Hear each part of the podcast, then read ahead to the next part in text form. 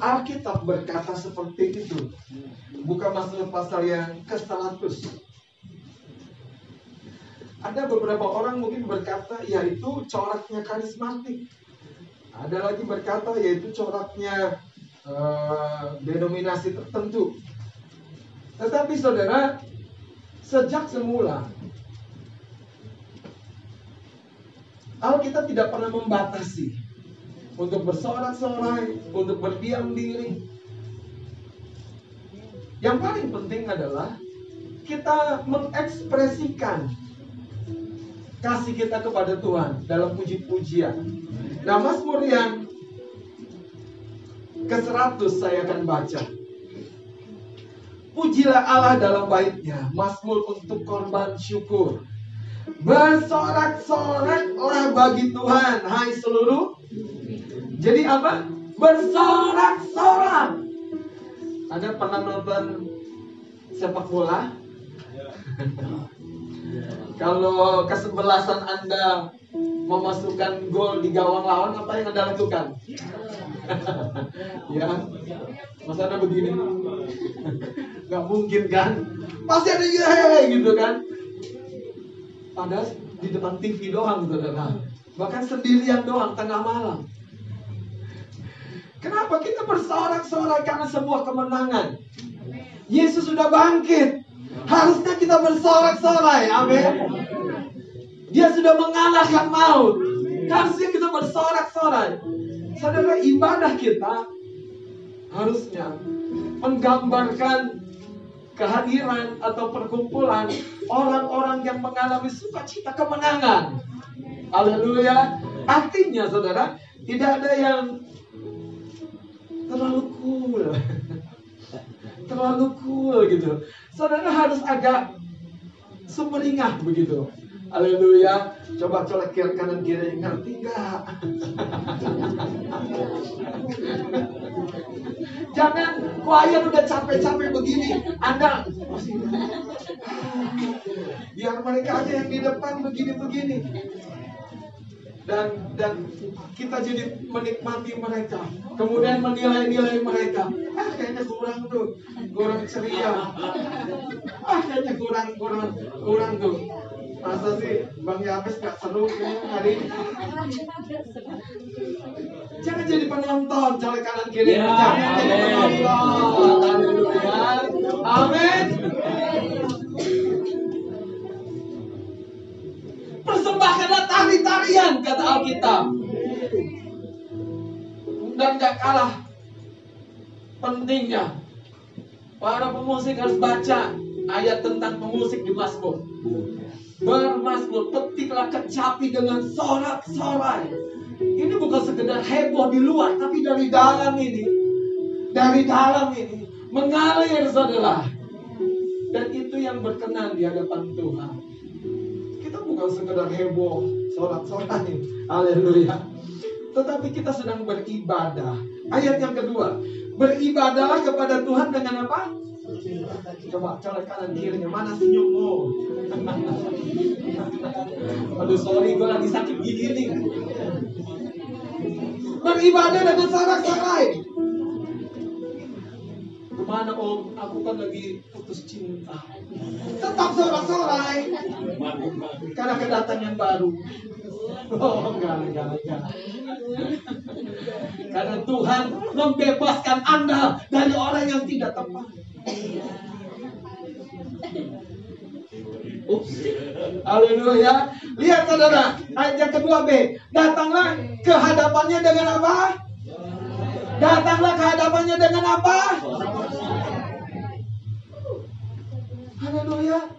Jadi kalau kamu kami pakai batik ini nggak kebetulan. Amin. Kami sedang menyiratkan sorak-sorai.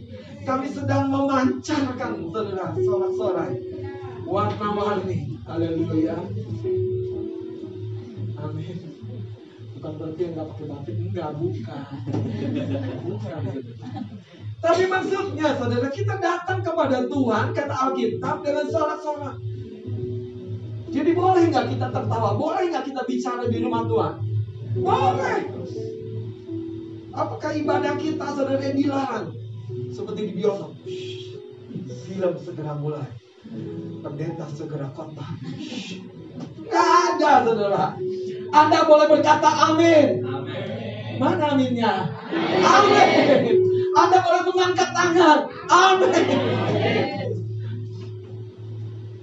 Jangan di depan kesebelasan Anda saja.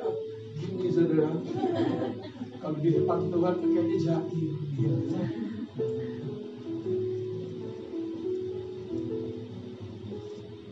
Saya ini gini-gini kadang-kadang saudara kalau di depan Tuhan agak gila. Kadang saya teduh. Waduh, kenapa nanti saya sedukul gitu Tuhan. Saya kadang-kadang saat teduh suka juga lompat-lompat. Yeah. Doa lagi.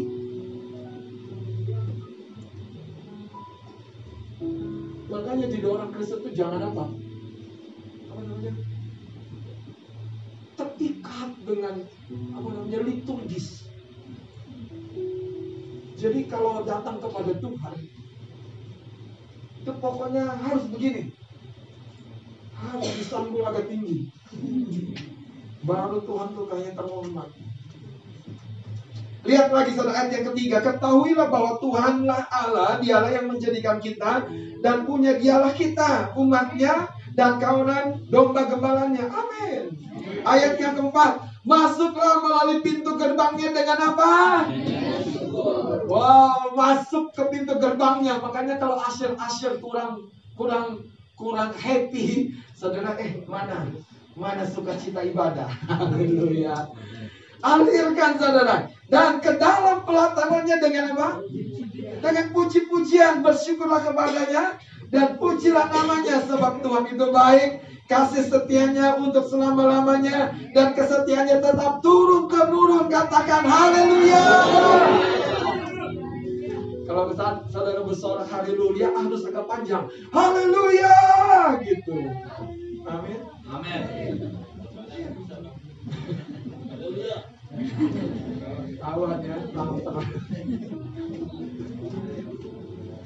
Oke, baik.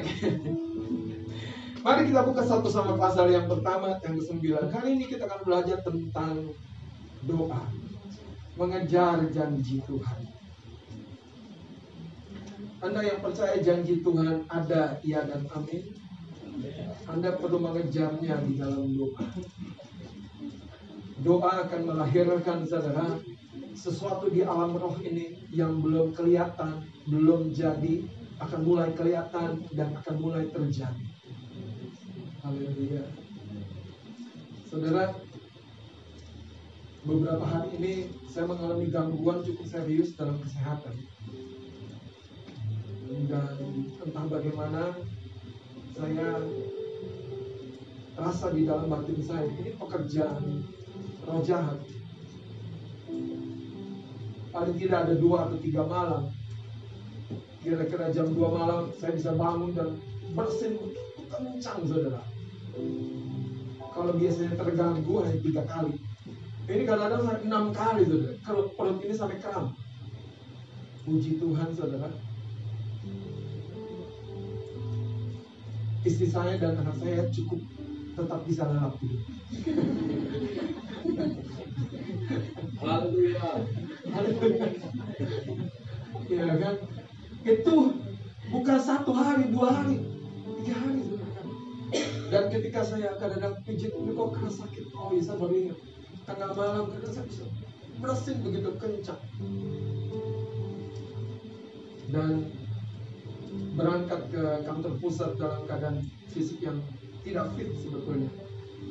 Tetapi saya justru melihatnya seperti ini. Seringkali untuk kita dibawa naik pada satu tingkatan, satu level yang baru, Tuhan perlu mengizinkan tantangan baru dalam hidup kita. Itu sebabnya ketika Goliat menantang seluruh barisan tentara Israel, ternyata saudara, tantangan itu hanya satu orang yang bisa menjawabnya. Daud yang pipinya masih kemerah-merahan. Saya mau berkata begini, dalam beberapa keadaan, mari kita, saudara, jadi pribadi yang mengerti. Musuh tidak pernah punya kesanggupan untuk mengalahkan kita selama kita berjalan bersama dengan Tuhan. Ini sebabnya dua hal. Pastikan kita terus mendesak kepada Tuhan. Yang kedua, pastikan kita terus mendesak ke arah musuh, ke arah lawan. Kalau Anda mendesak ke arah Tuhan, Tuhan akan memperlengkapi kita dengan seluruh perlengkapan senjata Allah. Yang kedua, waktu kita berhadapan dengan musuh, musuh akan melihat kehadiran Tuhan di dalam dan melalui hidup kita. Bukan diri kita yang tanpa perlengkapan. Hari ini, saudara, ketika saya melewatinya, saya berkata Tuhan, buat semuanya ini menjadi kesaksian. Buat semua masalah ini menjadi kesaksian Buat semua penderitaan ini menjadi kesaksian tentang Tuhan yang hidup, Tuhan yang dapat diandalkan.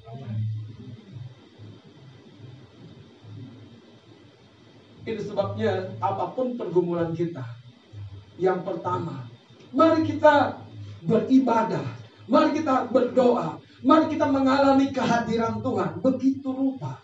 Yang kedua, Anda boleh terus berkata, tidak mungkin tidak terjadi. Dan setiap yang baik yang Tuhan tetapkan buat hidupku tidak mungkin tidak tergenapi. Amin. Haleluya. Ya. Mari lihat saudara cerita yang menarik ini dari 1 Samuel pasal yang pertama.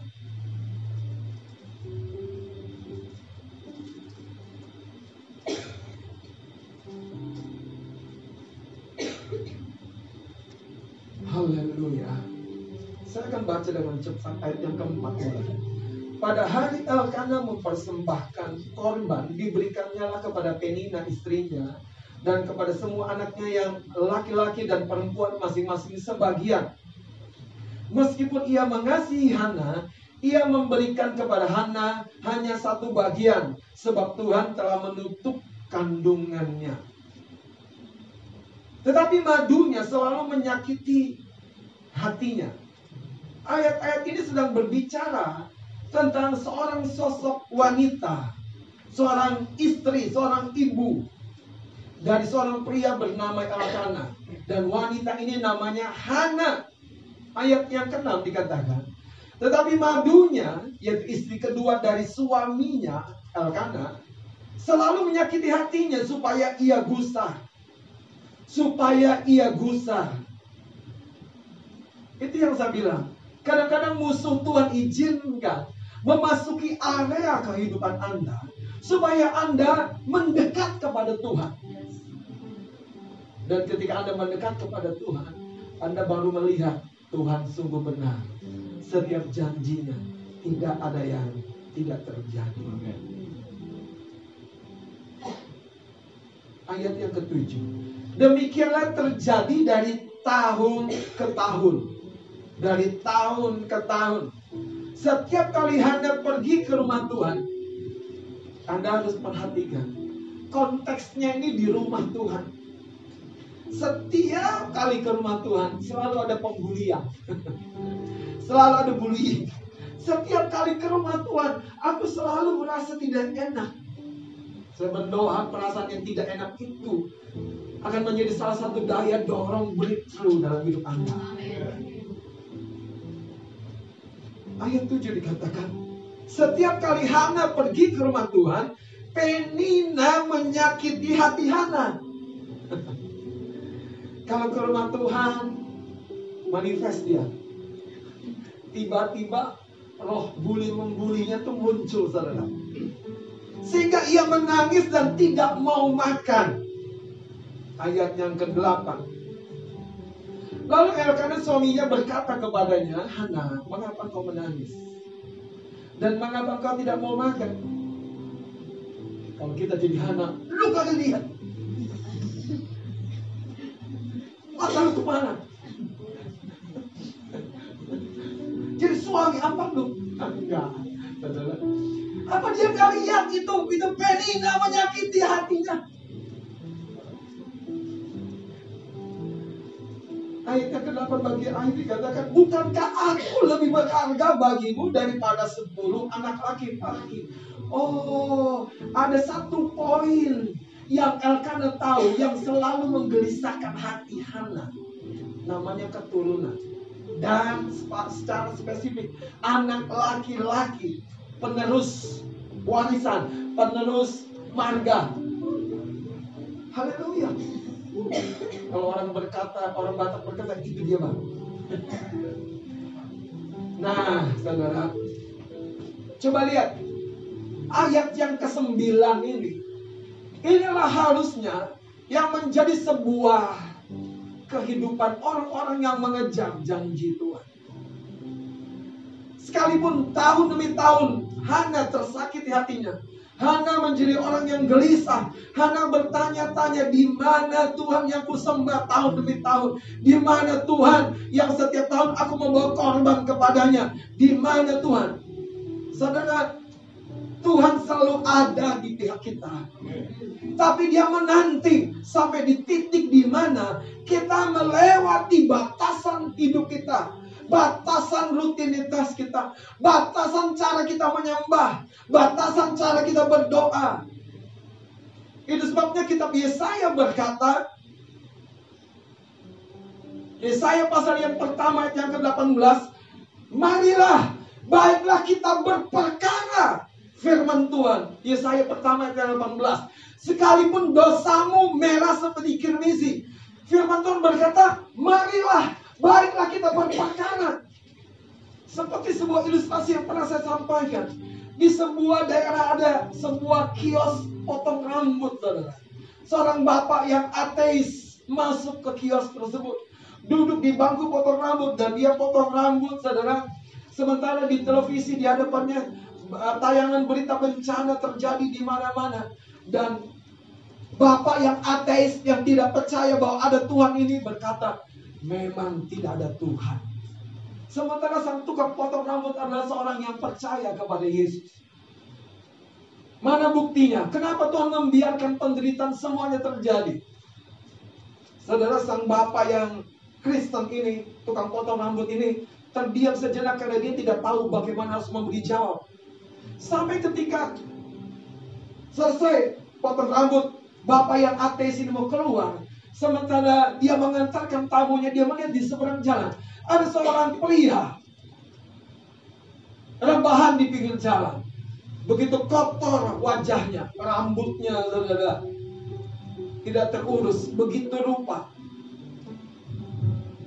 Tiba-tiba roh kudus memberikan inspirasi dalam pikiran Bapak tukang potong rambut yang percaya kepada Yesus. Pak sebentar, ada sesuatu yang saya mau sampaikan. Bapak lihat pria yang rebahan di seberang jalan yang begitu kotor dan rambutnya tidak terus. Iya saya lihat. Menurut Bapak kenapa Bapak itu tetap dalam keadaan seperti itu? Ya karena itu keputusanmu. Tahu Pak? Dia tahu bahwa di seberang dari tempat dia terbaring ada kios potong rambut.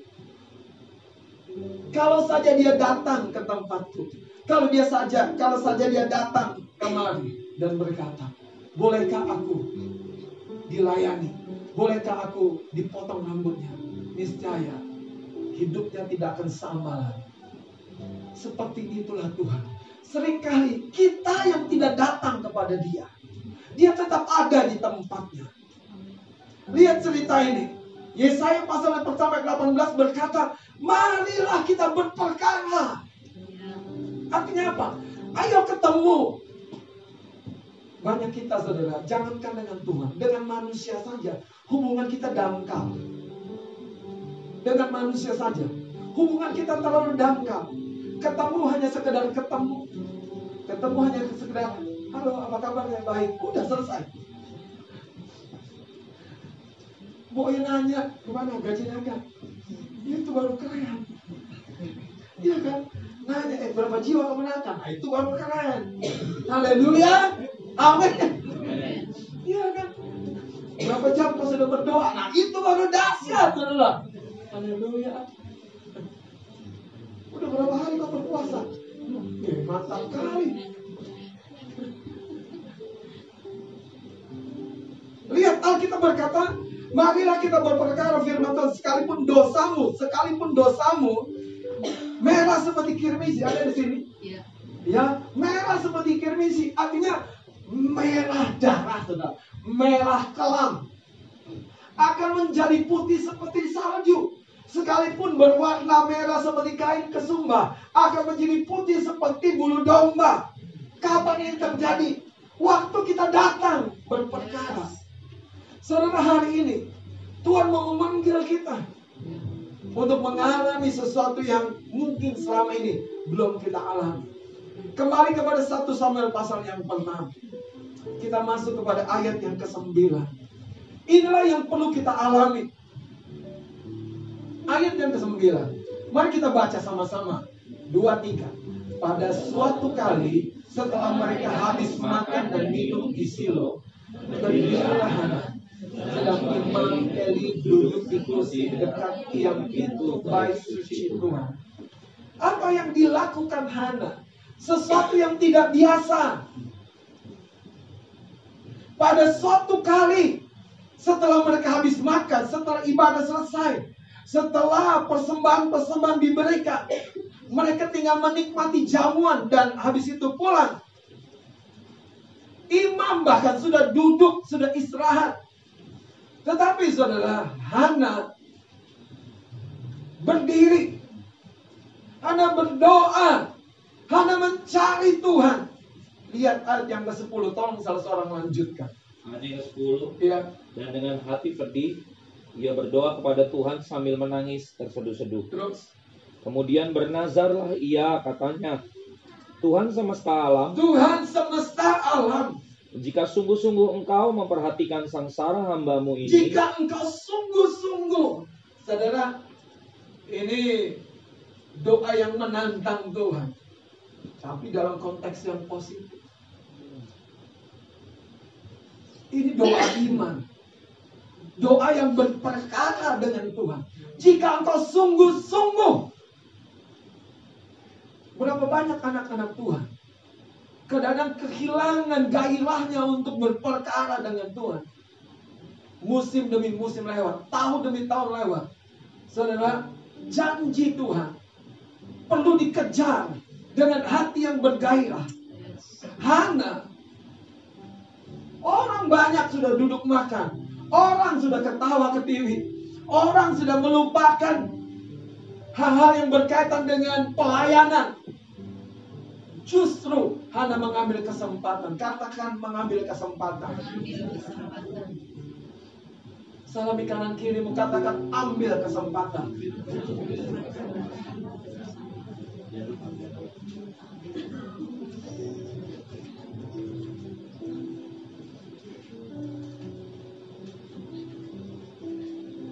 Dalam setiap tantangan selalu ada kesempatan supaya nama Tuhan dipermuliakan.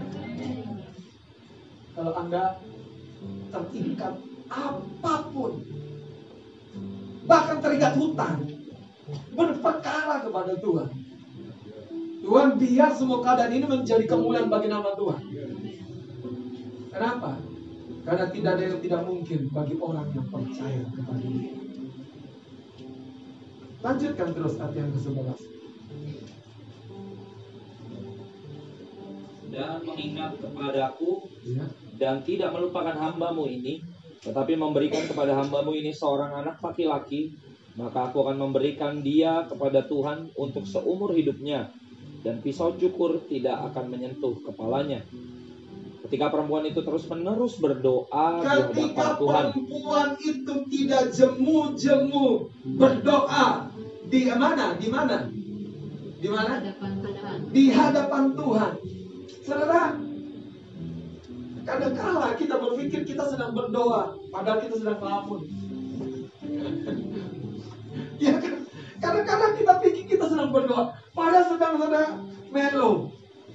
Tapi melibatin Tuhan sih. Tuhan, coba aja. Coba. Itu bukan doa, saudara. Bukan doa kenapa? Karena nggak ada iman. Ada cuma apa? Ngeluh, komplain, marah. Doa akan menjadi doa ketika di dalam keluhan kita sekalipun. Di dalam kesedihan kita sekalipun. Ada iman yang kita bawa di hadapan Tuhan. Itu doa, saudara. Itu sebabnya lihat, saudara. Lanjutkan.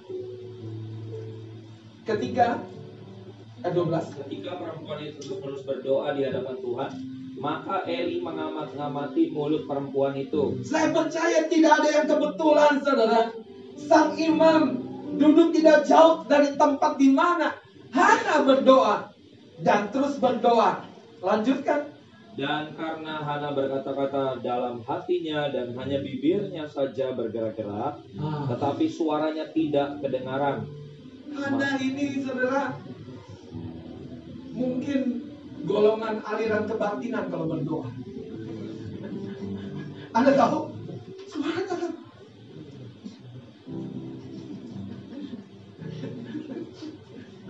Sih aliran kebatinan? Yang ngomong tuh batin. Itu maksud saya. Dan ini, ini membuahkan hasil. Saya mungkin berpikir begini. Hana nggak mau semua orang tahu penderitaannya. Tuhan, aku punya utang satu miliar. Maksudnya ada pengusaha di situ. Supaya tolong aku Tuhan, gerakan bapak itu yang pakai baju batik.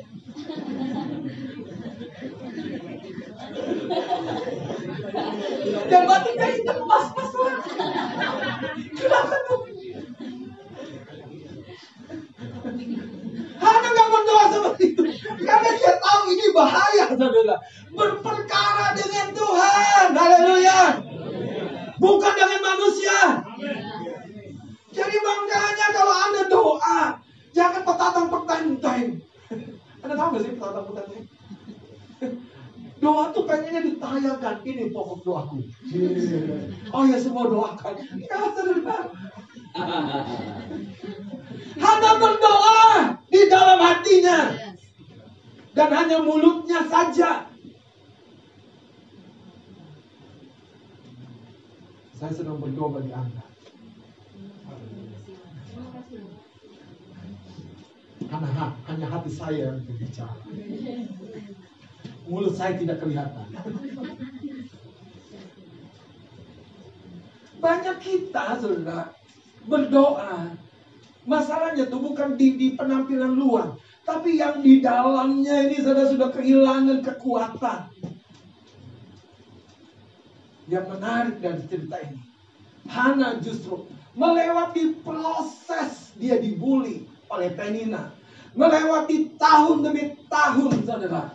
Ada kebangkitan di dalam dirinya. Aku tidak boleh seperti ini saja. Aku tidak boleh berhenti di sini saja. Aku tidak boleh melihat hanya orang lain yang berbahagia. Itu keputusan, bukan lagi di Tuhan. Itu keputusan di tangan kita yang percaya kepada Dia. Itu sebabnya ketika Hana terus-menerus berdoa, mulutnya saja, bibirnya saja yang bergerak-gerak. Imam menyangka dia mabuk. Bahkan saya nggak tahu bagaimana saudara. Tidak cukup dibully oleh Penina, dibully juga oleh imam. Coba lihat cerita ini saudara. Pertama dibilang apa? Orang mabuk. Haleluya.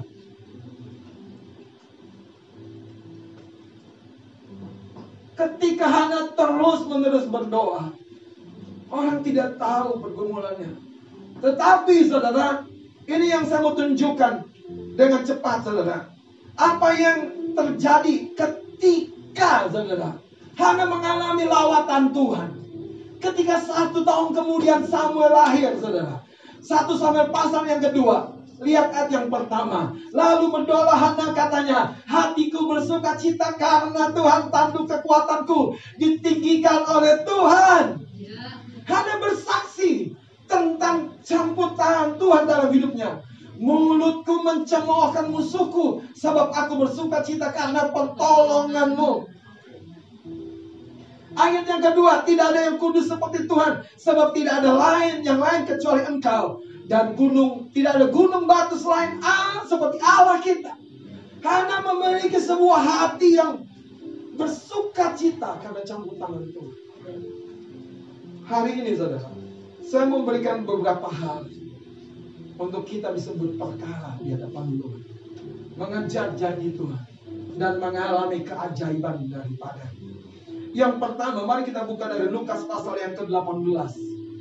Ketika kita berperkara dengan Tuhan atau berdoa atau menghampiri Tuhan seperti Hana ini. Satu yang kita perlu tanamkan, jangan pernah jemu-jemu. Lukas 18 ayat yang ke-6 dan sampai yang ke-8. Salah seorang tolong baca dengan cepat. Lukas 18 ayat 6 sampai 8.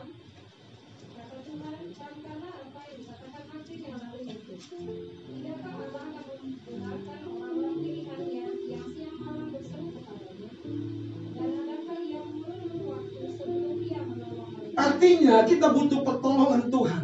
Dan Tuhan kita bukan Tuhan yang suka mengulur-ulur waktu. Tapi ada bagian, ada proses. Ada bagian yang kita perlu lakukan. Yaitu kita tidak jemu-jemu.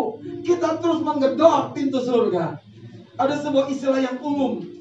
Kalau kita berdoa. P-U-S-H. Pray until something happen. Berdoa sampai sesuatu terjadi. Makanya kalau janji buat Bang Horas semalam hanya ada awan kecil, puji Tuhan. Harusnya sukacitanya juga seperti awan selangit. Kenapa? Itu tanda orang yang percaya. Kalau Anda sedang berharap, doa sampai sesuatu terjadi. Lanjutkan. Ya, ia akan segera membenarkan mereka.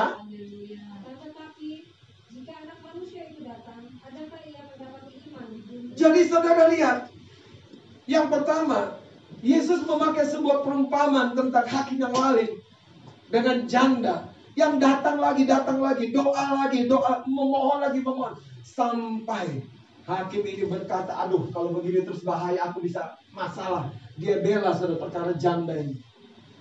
Yesus memakai cerita itu dan berkata, camkanlah apa yang dikatakan hakim yang lain itu. Karena itu doa sampai sesuatu terjadi.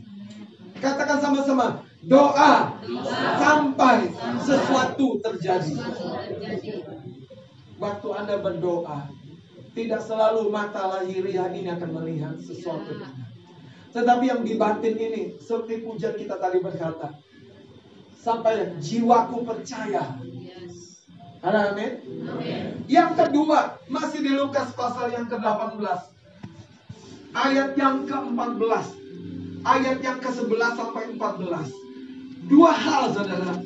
Memasuki usia yang ke-22.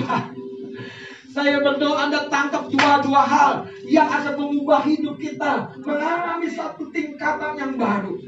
Tidak jemu-jemu. Yang kedua, berdoalah dengan merendahkan diri.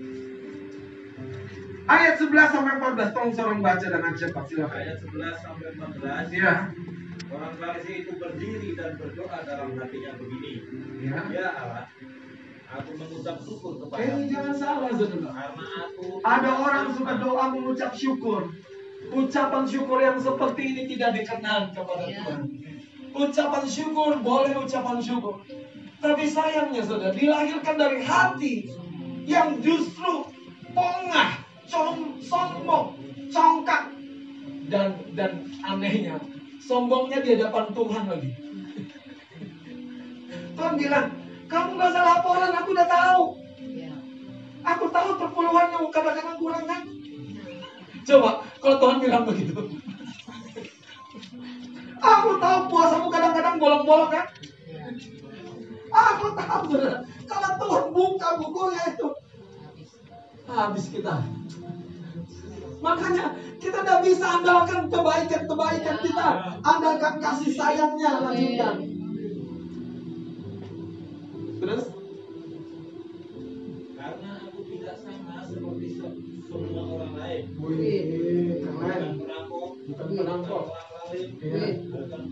Dan bukan juga seperti juga ini. Iya video porno kah?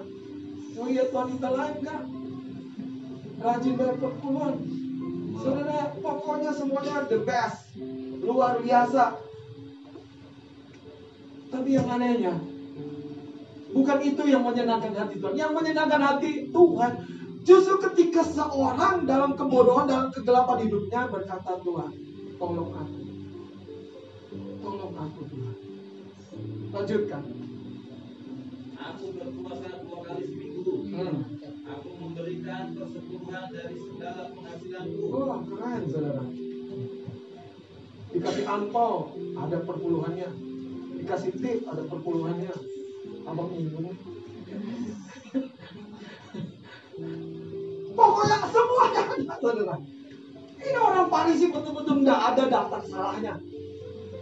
Tapi heran saudara, semua daftar kebenaran ini tidak menghasilkan sesuatu yang betul-betul mengubahkan hidup. Makanya saudara jangan sombong. Jangan sombong.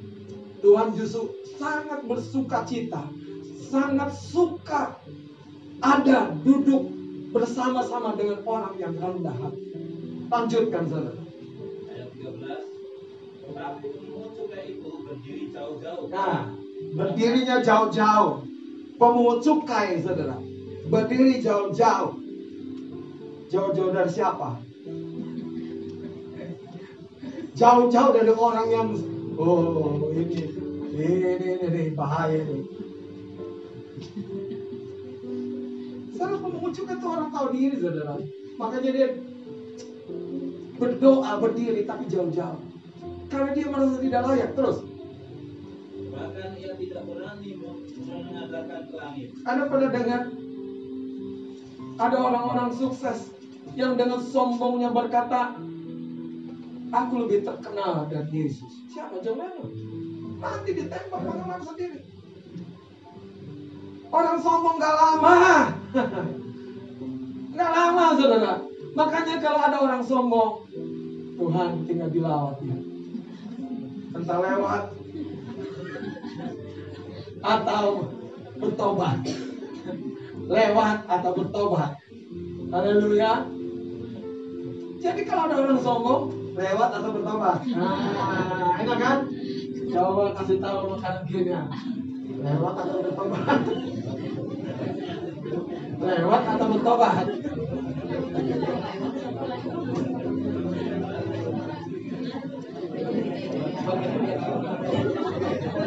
Aja biar lewat. bertobat dulu baru lewat. Lihat saudara, pemungut sampai tidak berani menengadah ke langit. Saudara, apa kelayakanmu hari ini di hadapan Tuhan? Enggak ada, saudara. Emang kau bisa bayar dosamu dengan perpuluhan perpuluhanmu? Enggak. Emang kau bisa bayar? Darah Yesus itu enggak tidak mungkin terbeli. Terlalu mahal. Makanya waktu kita datang hanya dengan pengorbanannya. Bukan dengan segala kebaikannya. Lanjutkanlah. Lagi. Melainkan yang memukul diri dan berkata, Hmm. Ya Allah, kasihanilah aku orang berdosa. Saudara, ini doa yang sederhana. Kasihanilah aku orang berdosa ini. Orang berdosa ini. Jangan takut kalau Anda gagal. Jangan menyerah. Jangan berhenti. Jangan patah semangat. Anda hanya perlu datang dengan rendah hati dan berkata, kasihanilah aku orang gagal ini.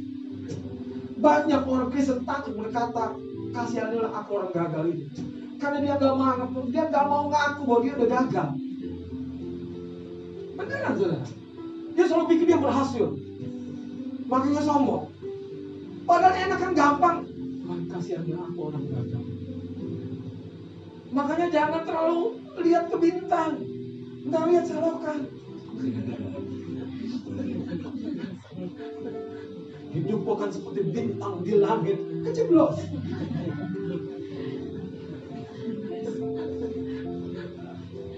Haleluya. Nah, Yesus memakai perumpamaan ini untuk menandaskan. Anda, anda ngerti? Menandaskan memberikan prinsip yang yang betul, yang yang sejati, yang sesungguhnya kalau kita mau berperkara kepada Tuhan. Jadi jangan pakai prinsip yang lain, itu maksudnya. Yang pertama apa? Jangan jemu-jemu. Yang kedua, rendahkan diri. Yang terakhir, aku berkata, aku berkata kepadamu, orang ini pulang ke rumahnya hmm. orang yang dibenarkan Allah ya, dan orang orang lain itu tidak. ya. Sebab barang siapa meninggikan diri, ia akan direndahkan. Dan barang siapa merendahkan diri, ia akan ditinggikan. Saya teringat saudara seorang pengacara, seorang anak Tuhan yang satu ketika dia harus pergi ke Lampung, harus mengurus perkara. Dia bukan seorang hamba Tuhan. Dia juga baru bertobat belum lama, tapi dia punya iman yang cukup radikal menurut saya. Ketika sampai di Lampung ternyata lawan kasusnya ini sudah siap dengan dukun di sana. Dan anak Tuhan ini bilang, Tuhan mati aku, Yesus mati aku. Yang rebah dukunnya. Kenapa? Tuhan tahu saudara membela yang tidak mampu. Tuhan tahu membela yang mengosongkan diri. Yesus mengosongkan diri. Makanya dia diangkat begitu tinggi. Kalau hari ini ijazahmu cum laude, lemparkan itu. Kalau hari ini kebaikanmu jempolan di mata manusia, lemparkan itu. Kata Alkitab itu seperti kain pel di hadapan Tuhan. Anda boleh berkata begini, Tuhan, gak ada yang baik dari hidupku selain engkau. Puasa dua kali seminggu nggak mengubah Tuhan. 40-an 100%. Bukan itu yang utama. Tapi yang terutama, waktu kita mengizinkan hati kita di bawah. Belas kasihan Tuhan pasti mengalir dan mengubahkan orang yang di bawah tersebut.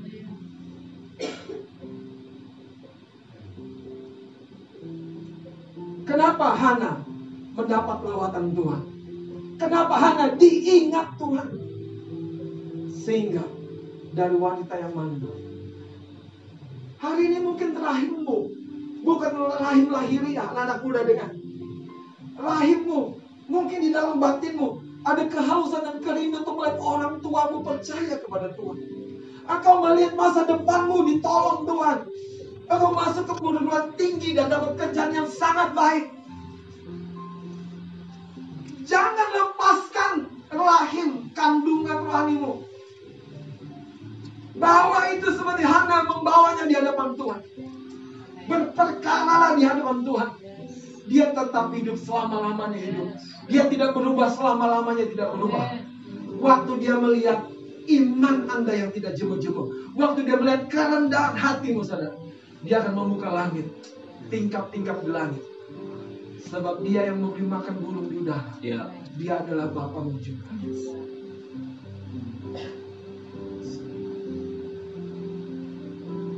Sebagai penutup, saya mau sampaikan juga apa yang menjadi tantangan hari ini. Kenapa banyak orang Kristen datang beribadah hanya mengisi waktu hari Minggu mereka. Makanya kadang-kadang mereka yang penting datang ke gereja, tapi mengalami lawatan Tuhan atau tidak, ya nggak ada masalah. Yang penting aku udah ke gereja. Hari ini saudara, saya berdoa. Kita punya mentalitas yang baru. Kita datang ke rumah Tuhan untuk mengalami lawatan Tuhan. Bahkan kita datang ke rumah Tuhan sampai kita mengalami lawatan. Sampai kita mengalami lawatan Tuhan. Kita buka Lukas pasal yang ke-13.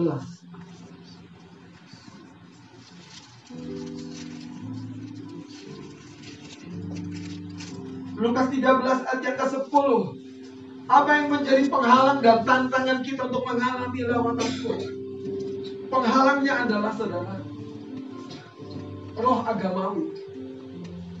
Kita akan selalu ber- berpikir gini, kita harus merasa layak dulu baru boleh datang sama Tuhan. Kita harus merasa layak dulu baru boleh doa sungguh-sungguh. Mari kita lihat ayat yang ke-10. Pada suatu kali Yesus sedang mengajar dalam salah satu rumah ibadat pada hari Sabat, hari Sabat. Di situ ada seorang perempuan yang telah 18 tahun dirasuk roh sehingga ia sakit sampai bungkuk punggungnya dan tidak dapat berdiri lagi dengan tegak. Ketika Yesus melihat perempuan itu, ia memanggil dia dan berkata kepadanya, dia lagi ngajar, dia lagi khotbah, dia lihat seorang wanita bungkuk. Dan dia tahu ini pekerjaan roh jahat. Dia panggil, hai ibu, ayat 12, penyakitmu, apa?